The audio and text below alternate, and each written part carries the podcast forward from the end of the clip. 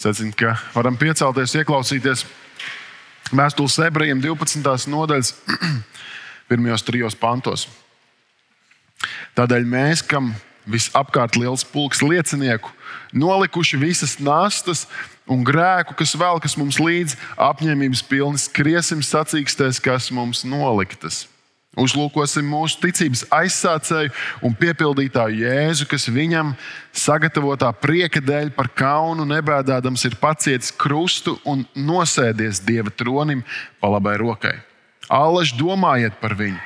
kas tik daudz naidīguma izcietis no grēciniekiem, lai jūs nenovārtu savās dvēselēs un nekļūtu nespēcīgi. Varenais Dievs, es lūdzu par šo mirkli, kad pārdomājam Tavu vārdu, ka Tu nāc caur savu svēto garu un runā uz mūsu sirdi, uz mūsu prātu, uz mūsu dzīvi uzrāda lietas, kas mums ir eh, jāatmet un jāatstāj, lai varam dzīvot patiesu, brīvu dzīvi tavam godam, lai spējam izdzīvot to, ko tu esi mums sagatavojis. Varenais Dievs, es lūdzu, ka tu ņem šīs pārdomas un lieto savam godam, mūsu katra svētībai. Tavā vārdā to lūdzu. Āmen. Sēdieties, lūdzu. Es vēlos mazliet paturpināt aizvadītās uh, svētdienas tēmu, ko mācītājs Ainus Baštiks iesāka. Viņš runāja par atpūtu, cik svarīgi mums katram ir atjaunoties. Vasarā ir atvaļinājuma laiks, un, uh, un bieži vien arī tad, uh, mēs ieplānojam nedēļu, divas, kāds trīs vai pat četras nedēļas, ja var dabūt visu atvaļinājumu vienopus. Un tad nu, mēģina atpūsties, kā no kuram sanāk, kas eh, dodas pie dabas, apciemo radus, varbūt kādā tālākā pārbraucienā dodas. Un tad mēs eh, cenšamies, eh, cenšamies izdzīvot to brīvu brīdi. Un svarīgi, kā jau arī Mācītājs Ainars pagājušajā nedēļā iezīmēja, ir svarīgi, ka mums ir tas regulārais cikls, ka mēs esam spējami atpūsties. Un tomēr Es domāju, ka mēs katrs esam bijuši kādreiz dzīvē posmā, kur beidzās vai nu brīvdienas, vai atvaļinājums. Mēs aizjām uz darbu pirmdienā, un, un tik ātri esam atkal beigti un mocamies. Un liekas, nekur netiekam uz priekšu. Liekas, kā tas var būt? Es taču tik, tikko atpūtos. Ir pagājis, pagājis varbūt pusdarba diena, un es vairs nevalku. Un, un tam nav nekāda liekas, racionāla pamata bet es stagnēju. Reizēm tā nav tikai viena diena pēc brīvdienām vai pēc atvaļinājuma, bet tā ir kaut kāda vesela dzīves sezona, kad tu vienkārši stagnē uz vietas un netiec uz priekšu. Un es nerunāju tikai par darba vidi. Es ticu, ka mums ir bijuši, eh, ja ne visiem, tad kādiem no mums tie posmi dzīvē, kur tu atrodies darbā, un tu nesaproti, kāpēc tu tur esi. Jā, tu zini, ka tu saņemsi algu, um, un tas ir vienīgais, kas tev tur notur. Jo nekāda jēga piepildījuma tur nav. Tu neredzi, ka kaut kas varētu virzīties uz priekšu. Bet reizēm tas, at, tas pats attiecās arī tajā, ka mēs esam kādās attiecībās. Un tās attiecības stagnē, un tu netiec uz priekšu. Un liekas, tu gribētu, lai ir labāk, tu gribētu, lai tavas laulība būtu labāka, bet tā stagnē. Tā, ne, tā ir kaut kur iesprūdusi. Es zinu, ka arī garīgi mums ir šādi posmi. Ka liekas, es esmu pilnīgā tuksnesī, un tad vienīgais, ko tu spēj saprast, ka Bībelē ir rakstīts, ka Izraēla tauta 40 gadus bija tuksnesī, un Dievs viņiem deva dienascho debesu mānu, lai viņi nenomirtu tur, bet varētu tikt uz priekšu to vienu dienu. Nepietiek ilgākam termiņam, bāciņu nevar uzpildīt vairāk, bet tai vienai dienai pietiek.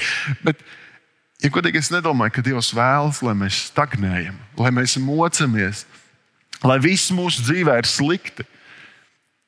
Es ticu, ka tajos brīžos kaut kam ir jāmainās.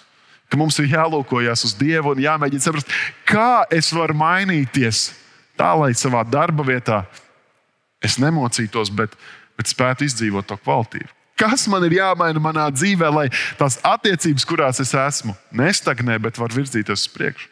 Kā es varu dzīvot tā, lai mana garīgā dzīve ir piepildīta, jēgpilna? Es atceros, ka man pēdējā darba vieta pirms es devos mācīties uz Baltijas Pastorālo institūtu, kas iezīmē man ceļa sākumu šo aizvadīto piecu gadu posmā, kad es esmu arī šeit, Matejā.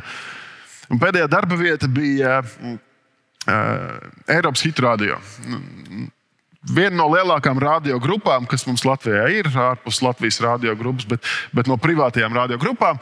Un darbs šķiet bija gaužām foršs. Man ļoti patika mēdī, man ļoti patika reklāma. Es strādāju reklāmas nodaļā, man patika pārdošana.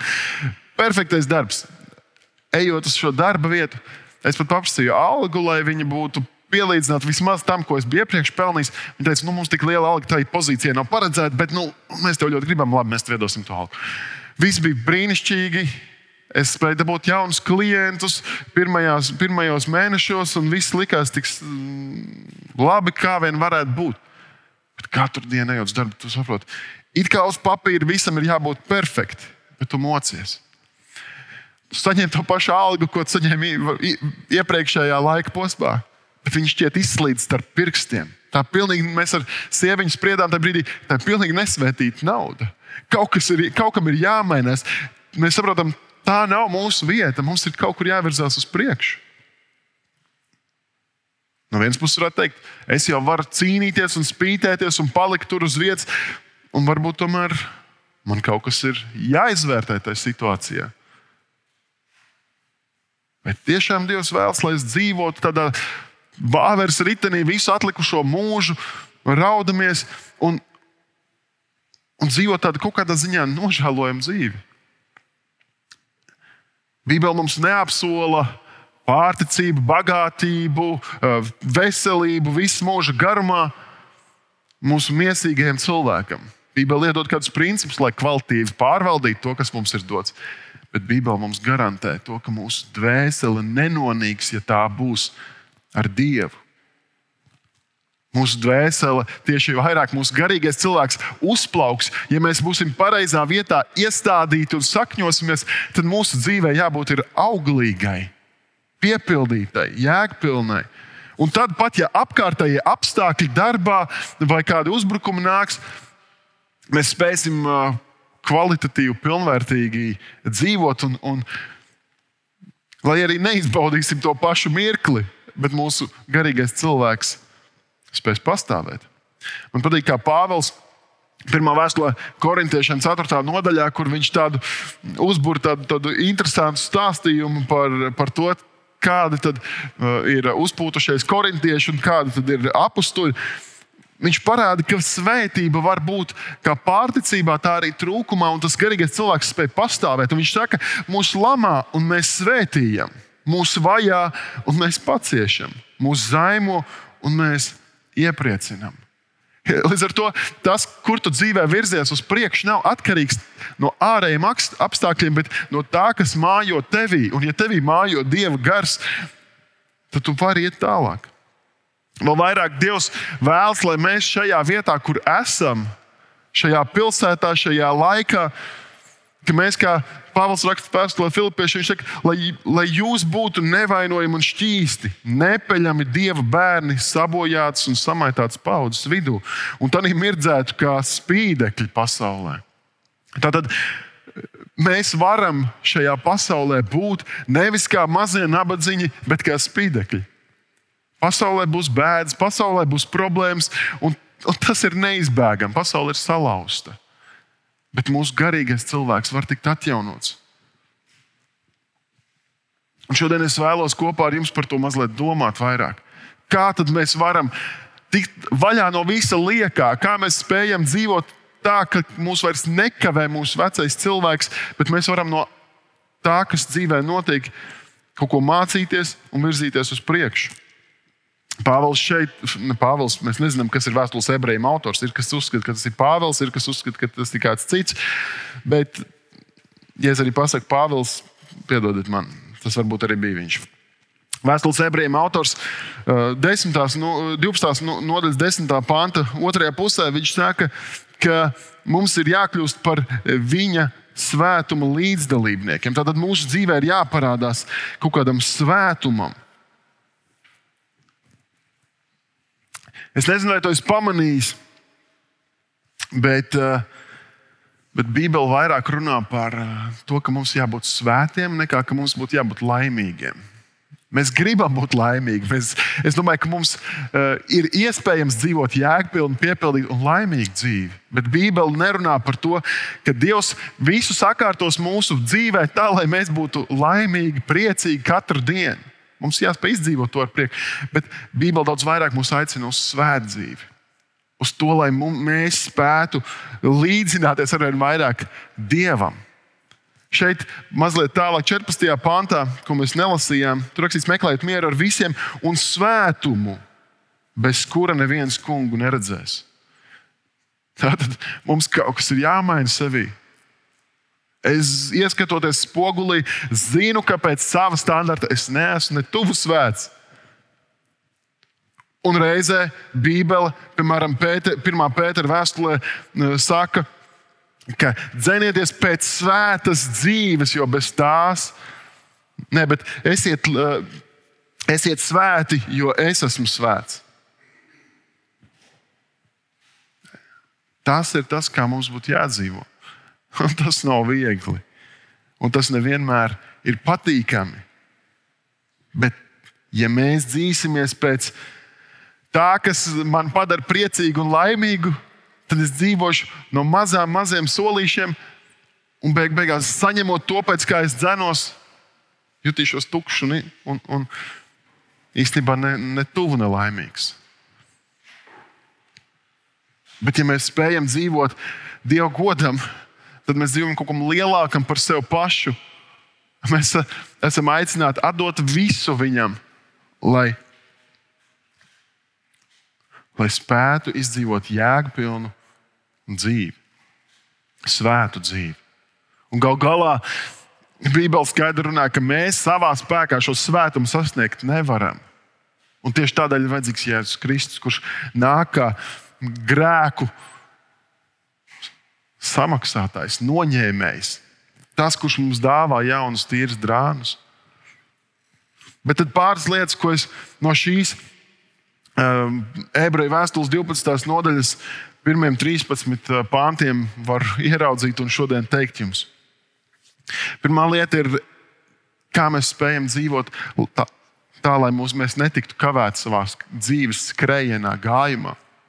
Esi brīvs, jeb esi brīvs no liekā. Kas ir liekais manā dzīvēm? Pirmais pāns. Tātad, tādēļ mēs, kas, kam apkārt liels pulks liecinieku, mūsu dzīvē būs cilvēki, kas mūs vēros gan draudzē, gan ārpus tās ģimenē, darba kolektīvā. Vienmēr mums būs liecinieki, vērotāji. Bet nevis vērotāji ir tie, kas skrien mūsu dzīves skrējienu. Mums katram ir jāskrien savs dzīves skrējiens. Tad, tad nolikuši visas nastas un grēku, kas velkas mums līdzi. Apņēmības pilni skriesim sacīkstas, kas mums noliktas. Mēs ar uh, sievieti kaut kad nesen braucām un runājām. Es saku, senāk man gribējās vienmēr būt burzmā, tagad man arvien vairāk gribas būt kaut kur maliņā, tādā miera ostā. Gribētos, lai dzīve ir miera osta, kaut kur lauku, idillītē. Viņi saka, jā, bet tas nav tas, kā, kur tu esi aicināts. Tas nav tavs dzīves uzdevums. Dzīve ir kaut kāds skrējiens, kur mēs virzamies uz priekšu. Un tad šeit autors runā, ir divu veidu lietas, no kā mums ir jātiek brīviem. Viens ir grēks, un Bībele diezgan skaidri nodefinē, kas ir grēks. Mēs varam dažādos dzīves jautājumos skatīties, vai tas būtu attiecībās. Ārlaulības attiecības, seksuāla nešķīstība, pornogrāfija. Tā var būt kaut kāda aprunāšana. Tas var būt dažādi veidi atkarības, alkoholisms, smēķēšana, dažādas digitālas atkarības, azartspēles. Lietas, kuras mēs intelektuāli zinām, ka ir nepareizas. Bet tad, kad mēs esam tajā atkarībā vai problēmā, mēs zinām, ka tas ir grēks, kas mūs velk uz atpakaļ. Tas neļauj mums pilnvērtīgi dzīvot. Un, un Bībeli skaidrs saka, jums tas nav vajadzīgs. Atmetiet to. Un, protams, ka vieglāk ir pateikt, atmetiet, nekā to izdarīt. Tāpēc to sauc par atkarību. Tas ir atkarīgs no tās. Tur ir smags darbs reizēm jāizdara. Reizēm ir jānovēršas no kāda grēka, un grēks arī viņš tevi sasaista. Tās ir kādas važas. Bībeli runā par to, ka mums ir jāizgaismo grēks. Tad tad tur vairs nav vieta vēlnam mūsu sirdī, mūsu prātā, mūsu dzīvē. Ka Jēzus Kristus spēkā mēs varam tikt brīvi. Reizēm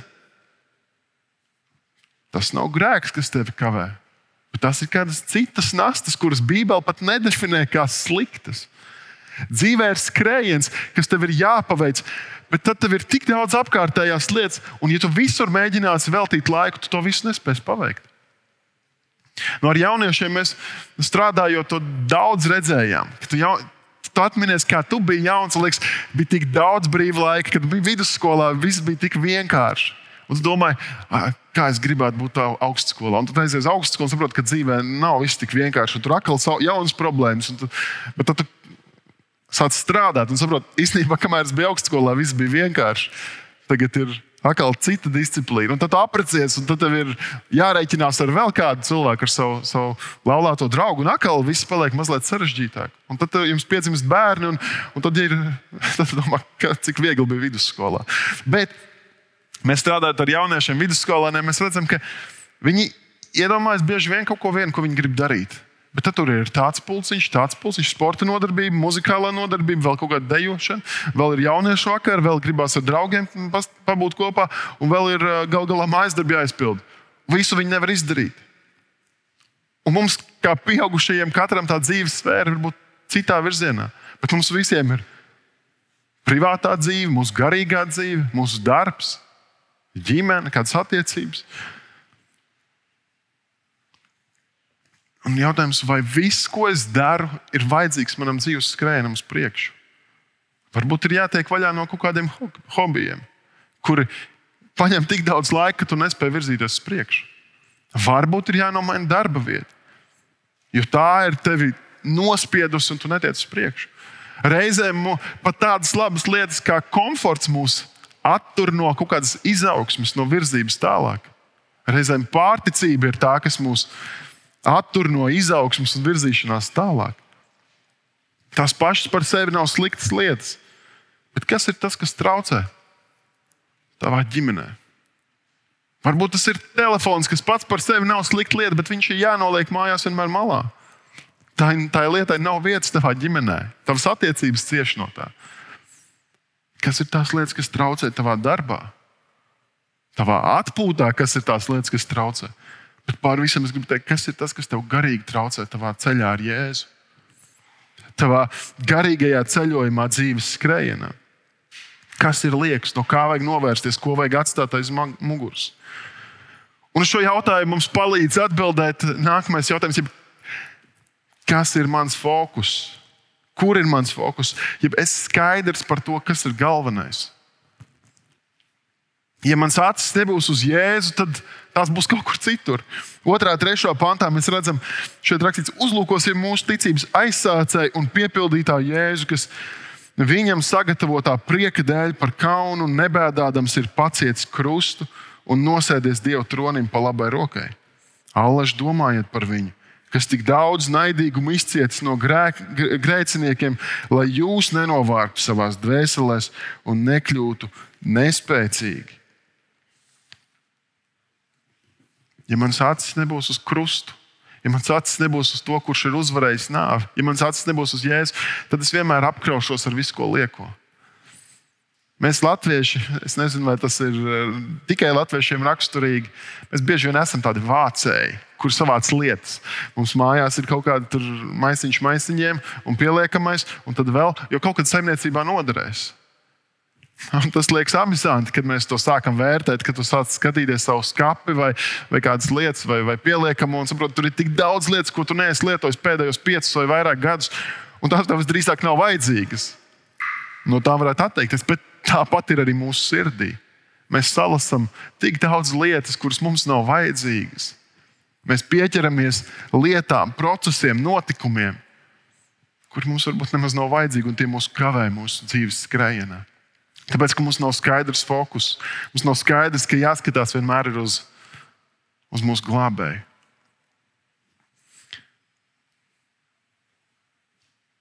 Un redz, šeit rakstīts, ka Jēzus bija priecīgs. Ka Jēzus, bija, ka Jēzus spēja to visu piepildīt savu sagatavotā prieka dēļ. Viņš spēja iziet cauri grūtībām, viņš spēja iziet cauri nodevībai. Viņš bija spējīgs izturēt tās vai, vāžas sitienus, spļāvienus, zaimus un gal galā pienaglošanu pie krusta. Tā sagatavotā prieka dēļ. Un kas tad ir tas prieks? Vai teikt, debesis? Vai Nē, Jēzus gadījumā debesis nav tas prieks. No turienes viņš bija atnācis, viņš varēja nenākt uz zemi. Viņa prieks bija tu. Viņa prieks bija es. Viņa prieks bija tas, ka viņš zināja, ka es šo daru kādu labadu. Es šo daru to grēcinieku labā, kur nevar paši izdzīvot svētu dzīvi. Ja mans fokus nebūs skaidrs, tad mans ceļš nebūs raids. Dzīve ar Jēzu centrā nenozīmē dzīvi bez grūtībām. Tās būs, to sauc par dzīvi tajā ir grūtības. Bet, bet grūtībām, kas nāk mūsu dzīves ceļā, ir kaut kāda nozīme. Mēs no tām varam mācīties. Tās var mūs kaut kur virzīt. Reizēm ar grūtībām mums kādas durvis aizvarās, un kādas citas dzīvē grūtības, kādas citas durvis atverās. Reizēm grūtības mums kaut ko mēģina pateikt. Reizēm tas mums audzē raksturu. Un man patīk, kā šeit 4. pāntā Autors raksta, jūs vēl neesat līdz asinīm cīnījušies pret grēku. Tas man aizved pie trešās lietas, ko mēs varam šodien ņemt līdzi. Es esmu sīksts. Jeb kāda ir mana attieksme pret to, kas notiek manā dzīvē. Es godīgi teikšu, es nekad mūžā neesmu pret grēku cīnījies līdz asinīm. Un tas noteikti nozīmē, ka manī ir problēma, ka es neesmu pietiekami stingrs bijis Ja es teicu, labāk izraut aci vai nocirst roku un ieiet debesu valstībā, mēs neesam pārāk daudz pirātus baznīcā redzējuši. Tātad mēs kaut kur pārāk viegli prātīgi pret to izturamies. Mums ir jāspēj kaut kur vēl asāk cīnīties pret to, vēl vairāk pārvarēt sevi, vēl vairāk aizliegt sevi, nomirt savām iegribām, miesas kārībai, acu kārībai, dzīves lepnībai. Ko Bībele saka, ka tas ir avots visiem grēkiem, visām šīm grēka izraisītajām problēmām mūsu dzīvē. Un mēs spējam pārvarēt sevi daudz lielākā mērā nekā mēs iedomājamies. Pirms pāris nedēļām biju jau, jau līdzdalījums šajā puikas nometnē Baltijas Pastorālā institūta nometnē Drafts kas izaicina jaunu pušu raksturu, um, norāda uz Kristu un, un palīdz viņiem iet šo ceļu. Un tur kādā uzdevumā Mēs pirmkārt visu laiku viņus aicinām, šos puikas dot 100%, pārvar sevi, tu vari vairāk, mēs iedrošinām, stiprinām. Un kādā no uzdevumiem uh, šiem puišiem bija nu, jāstāv plankā, kas ir, nu, kad cilvēks stāv uz elkonīšiem uh, un, un, un horizontālā stāvoklī. Un tad eh, cik nu komanda var ilgi šādā veidā viens pēc otra nostāvēt? Un kāds puika manā komandā, augumā ļoti mazs un sīgs, viņš teica, es varu trīs minūtes nostāvēt. Man tas jau ir iespaidīgi. Es gribētu, varēt trīs minūtes nostāvēt plankā. Un šis puika tur guļ uz zemes, un es viņam nometos blakus, saku, tu vari vēl sagaida ceturto minūti. Viņš stāv tur, mēs viņu visu komandu iedrošinām. Viņš, tā, viņš tiek līdz tai ceturtajai minūtei. Es saku, nekas ceturtā minūte nav. Viss tu vari vēl, un vēl, un vēl. Beigās viņš 13 minūtes nostāvēja plankā. Man liekas, vienkārši prātam neaptver. Tas ir vismaz kāds 12 minūtes vairāk nekā es varētu. Bet varbūt man vienkārši nav bijuši līdzās, kas man iedrošina tajā brīdī. Kur saka, tu vari vairāk. Tu vari ilgāk, tu vari izturēt to. Ja tas tavā dzīvē ir, tad tu vari. Bībeli saka, ka Dievs neļauj, ka mums uzliek lielāku nastu nekā mēs spējam panest. Ja tavā dzīvē ir kādas grūtības, problēmas, tad tu to vari iziet. Un mēs pārāk ātri padodamies, pārāk ātri salūstam, pārāk ātri paņemam vienkārši to eh, cerību uz Dieva žēlstību. Viņš šoreiz man piedos. Vēl šoreiz viņš man piedos. Kā es cīnos pret grēku? Vai es cīnos vispār pret grēku? Pret grēku. Necīnies viens. Atrod savu grupu cilvēku. Tāpēc mēs draudzēs sakām, mazās grupas ir tik svarīgas, ka tev ir līdzās citi, ar ko tu vari teikt, es netieku galā, man vajag, lai par mani lūdz, man vajag, lai par mani iestājās. Reizēm mūsu dzīvē ir kādas problēmas, un grūtības un sāpes, lai mums kaut ko iemācītu. Un Bībele šeit, šajā nodaļā, lielāko daļu runā kā reiz par, par pamācīšanu, jeb pārmācīšanu. Tad esi mācāms, jeb kas man ir jāmaina manā dzīvē. Kad man kaut kas ir jāiemācās, tas nozīmē, ka man kaut kas jāmaina savā domāšanā vai uzvedībā. Šeit no 5. pānta rakstīts, un jūs esat aizmirsuši iedrošinājumu, kas jūs kā dēls uzrunā. Tātad tas ir iedrošinājums vispirms. Mans dēls nenicini kunga pārmācību, ne zaudē dušu, kad viņš tavus grēkus uzrāda. Cik svarīgi ir, ka tagad nāk kāda pamācība vai pārmācība, un ja es zinu, pamācība, pārmācība vienmēr saistīta ar to, ka es zinu, par ko man tas ir. Ja man vienkārši cita un es nezinu, par ko tas ir, tad es neko nevaru iemācīties. Ja man pasaka, tas ir par to, tad es varu sākt mācīties. Tad, tad nenicināt šo pārmācību, nezaudēt dušu tajā brīdī. Ja tev Tad turpina viņš saka, ko kungs mīl, to taču viņš pārmāca. Un šausta katru dēlu, ko viņš pieņem. Pamāt, pārmācībā esiet pacietīgi. Dievs izturas pret jums kā pret dēliem. Kuru dēlu gan tevs nepārmāca? Bet, ja jūs paliekat bez pārmācības, kam visi ir padoti, tad jūs esat ārlaulības, nevis īstie dēli. Ja mūs ir pārmācījuši mīlestīgie tēvi, lai mēs bītos, vai tad mēs daudz vairāk nepakļausimies garu tēvam, lai dzīvotu? Tie mūs pārmācīja tā, kā tiem šķita pareizi, un tas derēja īstajam brīdim, bet viņš tā, lai tas palīdzētu mums kļūt par viņa svētumu līdzdalībniekiem. Neviena pārmācība, ka to saņem, nešķiet prieks, bet gan bēdas. Tikai vēlāk tiem, kas tajā vingrināti, tā rada taisnības, miera augļus. es domāju, ka lasot šo vienmēr mēs atminamies, kā mūsu bērnībā um, pamācīja vai pārmācīja. Uh, es zinu, ka es esmu no paudzes, kur vēl pēra bērns, bet ļoti reti mūsu ģimenē ļoti reti pēra bērns. Mēs bijām tie, kuriem teica, ieej kaktā padomā. Un tad stāv kaktā un, un raudi pie sevis, jūtas sāļās asaras un domā, ka kaut kas nomirst. Tad man vecāks zinātu, ka tā nedrīkst darīt. Bet es noteikti esmu priecīgs, ka viņi nepēra. Un tagad arī man liekas, ka nedrīkst vairs pēt bērnus, bet Bet katrā ziņā pārmācība seko. Pārmācība ir, lai kaut kur veidot šo uzvedību, rīcību. Nenicinu to pārmācību. Mēģinu saprast, ko man ir jāmaina. Kāpēc šī situācija manā dzīvē notiek? Kas man ir jāmaina, lai es spētu pilnvērtīgi dzīvot tālāk? Tātad, ja mani māca, ja mani pārmāca, tad, tad mani mīl, tad, par mani rūp Dievam. Tad viņš nav no manis novērsies, viņš man ved uz patiesības ceļu. Pārmācība ved uz dzīvību un svētību. Tas nav, Dievs nav sadists, kuram patīk sist citus. Dievs vēl saviem bērniem labu. Tādēļ bieži vien ir kaut kādas lietas, kas mūsu dzīvē notiek, un tas uzdod šeit, Dievs, ko tu vēlēsies man pateikt?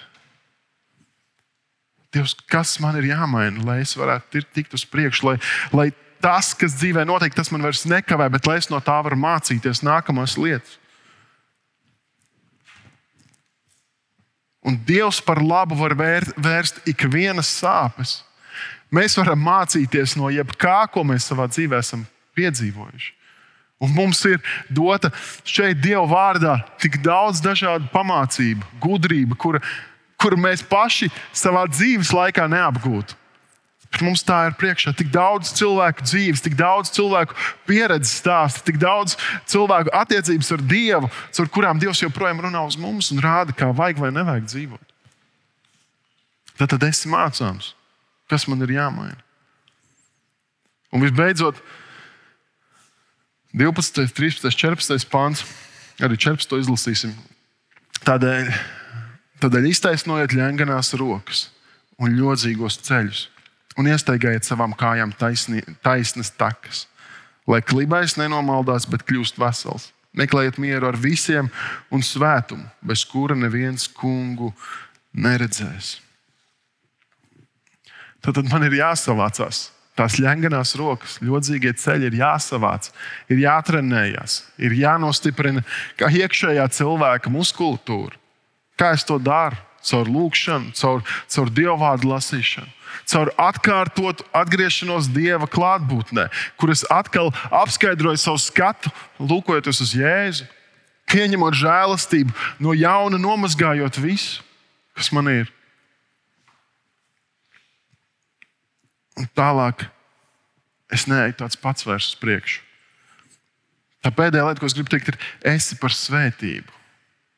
Esi par svētību, jeb kam es palīdzu. Šeit ir runa par to, ka man ir jābūt stiprākam nevis tikai paša labuma dēļ, bet lai es spēju iestaigāt taisnas takas, lai klibais pēc tam nenomaldās. Lai tas, kurš ir vājāks, nenomaldās, bet iet pa to pašu ceļu un kļūst vesels.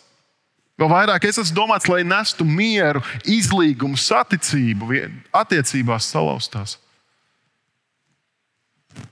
Un lai es ienestu svētumu tajās vietās, kur es varu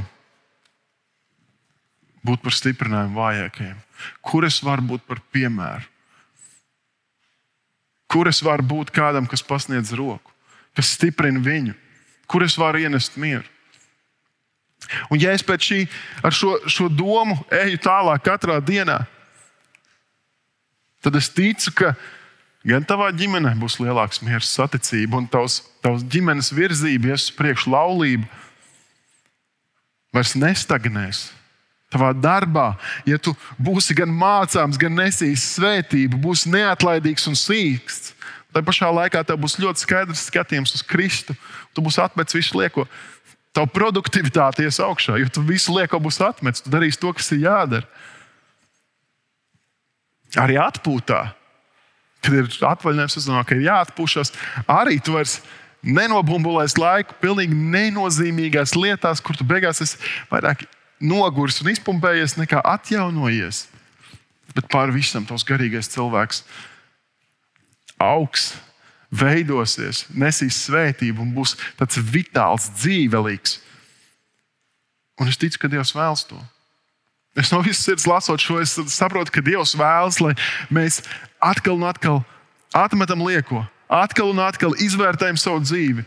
Viņš mūs ir glābis, viņš ir samaksājis par mūsu mūžību. Mums jāiet pa to ceļu. Mēs paši nevaram nopelnīt glābšanu. Viņš to ir izdarījis mūsu labā. Bet mēs varam dzīvot tā, lai palīdzētu citiem, lai būtu par liecību, lai paši nebremzētu, nebuksētu. Kas tev šodien ir jāmaina? Kas tev šodien ir jānožēlo? Kas tev šodien ir jāatmet? Kur tev ir jāatjauno skatījums uz, uz Kristu? Jānovēršas no kaut kā, kas novērš to skatu. Tas, lai šodien Arī nākamā nedēļa ir tavs pārdoms. Un es par svētību ikvienā vietā, kur tu vari būt. Es aicinu, ka mēs varam piecelties kājās, lūgsim Dievu un noslēgsim arī dievkalpojumu ar svētīšanas vārdiem. Varenais Dievs, mēs Tev pateicamies par, par Jēzu Kristu. Paldies Tev par to žēlastību, ko tu parādi mums caur viņu. Es tev pateicos par to, ka viņš samaksāja par maniem grēkiem, ka viņš samaksāja par mūsu grēkiem, lai mēs varētu būt taisnoti, brīvi un varētu dzīvot jēgpilnu, piepildītu dzīvi. Kungs, tu redzi, kas mūs katru kavē, kas mūs katru bremzē, kas ir tās važas mūsu dzīvē, no kā mums vajag tikt brīviem, lai varam iet uz priekšu. Paldies, ka tu mūs pieņem tādus, kādi mēs esam, salauztus, sasistus, dubļos izvārdījušos. Tu mūs atjauno, mazgā, stiprini un vadi tālāk. Palīdz mums iet pa šo svētapšanas ceļu, kas nav viegls. Palīdz mums mācīties no tām grūtībām un sāpēm, kurām mēs ejam cauri. lai vēl vairāk pieķertos tev, iemācītos par tavu žēlastību, mīlestību, atdošanu un nestu to svētību tālāk, ikvienā vietā, kur esam. Dieva tēva mīlestība, Jēzus Kristus žēlastība un svētā gara sadraudzība, lai ir un paliek ar mums visiem tagad un vienmēr. Ejiet ar mieru un kalpojiet tam kungam ar prieku.